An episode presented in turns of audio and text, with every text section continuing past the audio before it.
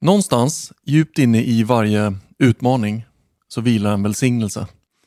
Och även om det i stunden känns precis tvärtom så finns den där bakom allt det vi för tillfället upplever. Men innan vi kan se och förstå meningen med den här utmaningen så är det lätt att blicken fastnar på det vi har precis framför oss. Upplevelsen av det som känns obekvämt. I sådana lägen så kan ord som tillit och hopp kännas som en, som en klen tröst även om det faktiskt är några av de starkaste och effektivaste verktyg vi har. För saker som inte längre fungerar i våra liv fungerar inte på grund av att de inte längre fungerar. Det kan låta som jag försöker komplicera det här nu, men det är precis tvärtom. När en blomma har gjort sitt så vissnar den och dör. När vintern har fått eh, härja tillräckligt länge så kommer våren och så börjar allt på nytt igen. Och precis som med allt här i livet så kommer det förr eller senare dyka upp någon form av utmaning. En mer eller mindre bekväm utmaning som kommer att leda till en förändring. Den här förändringen kommer sedan att öppna upp möjligheter för någonting nytt. Om vi försöker kämpa emot det här, om vi försöker skydda hösten mot vintern, så kommer vi väldigt snabbt att förbruka vår energi och våra mm, resurser. Och livet kommer att sätta oss i det emotionella utvisningsbåset tills vi klarar av att släppa taget och acceptera att det är vad det är. Men om vi redan från början kan acceptera att varje årstid, att varje utmaning och att varje förändring kommer med ett löfte om någonting bättre, då kan vi istället börja se fram emot de möjligheter som väntar på andra sidan.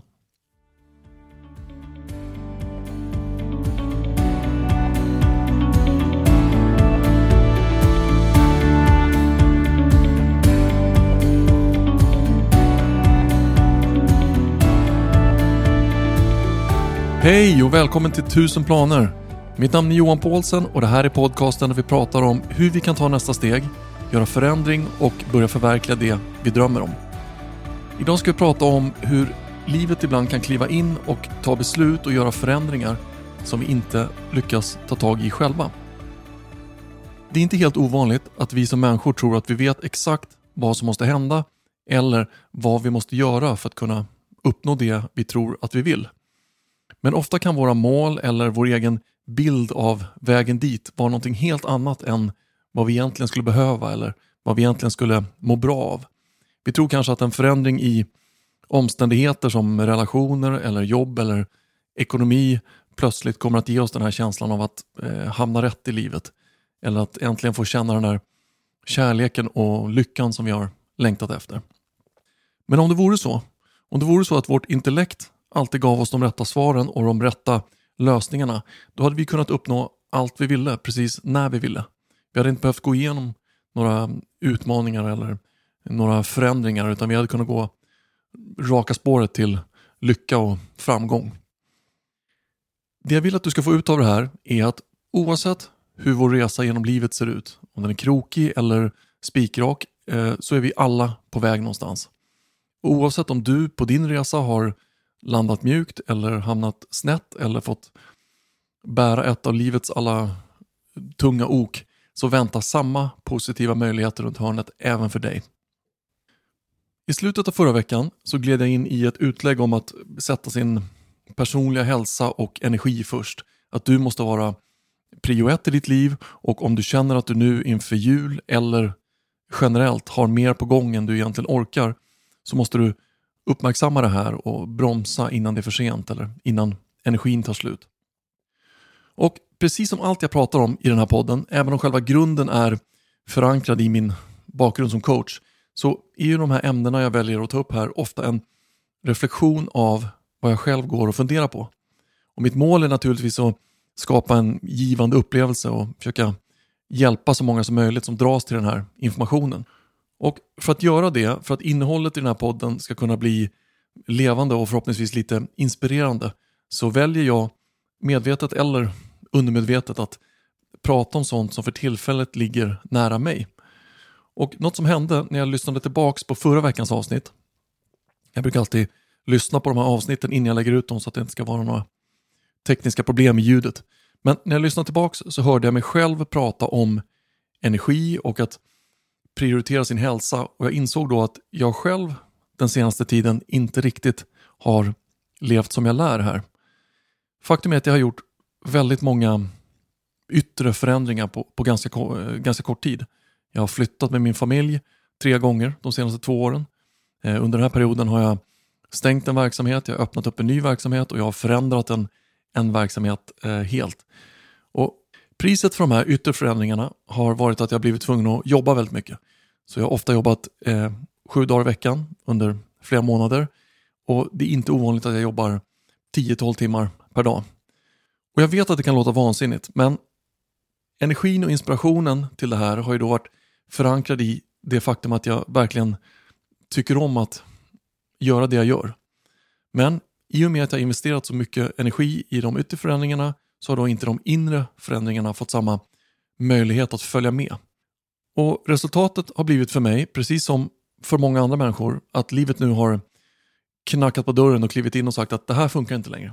Nu måste det, nu måste det bli en förändring, nu måste det hända någonting. Så här kan du inte riktigt fortsätta. Så nu står jag vid precis samma vägskäl som jag så ofta pratar om i den här podden. Och jag inser nu att det kommer komma in någon form av förändring i mitt liv. Vare sig jag vill eller inte. Och det är helt omöjligt, trots min spirituella bakgrund, att förutspå vad som kommer hända eller hur det kommer bli. Men det finns ett ljus i det här. På andra sidan av den här förändringen så kommer det att bli bättre. Så istället för att kämpa mot det här så väljer jag istället att ta steget in i det här. Jag välkomnar den här förändringen och jag väljer att följa med den här förändringen och se vart det leder. Någonting jag är helt övertygad om är att våra önskningar förr eller senare på ett eller annat sätt eh, kan bli verklighet. Men jag är lika övertygad om att det är väldigt sällan det här händer på våra villkor eller precis så som vi önskar att det ska hända. Om du har sett eller suttit i en berg och dalbana någon gång så känner du säkert igen hur den upplevelsen är uppbyggd. Först är det långsamt uppför och spänningen bygger upp och vi vet att någonting kommer hända. Och det som kommer hända kommer att vara utanför vår kontroll. Sen tippar vi över krönet på toppen, vi tappar kontrollen och sen är det då bara att följa med ner. När allting är klart så bromsar vi in, vi kliver av och det är först då vi kan sammanfatta upplevelsen av det här som har hänt. Det är först då vi kan utvärdera om vi tyckte det var bra eller dåligt. Och precis som i det här exemplet så är vi alltid någonstans långsamt på väg upp för den här första backen i berg och dalbanan. Vi är alltid på väg mot ett krön, en punkt där saker och ting kan börja förändras eller börja förverkligas.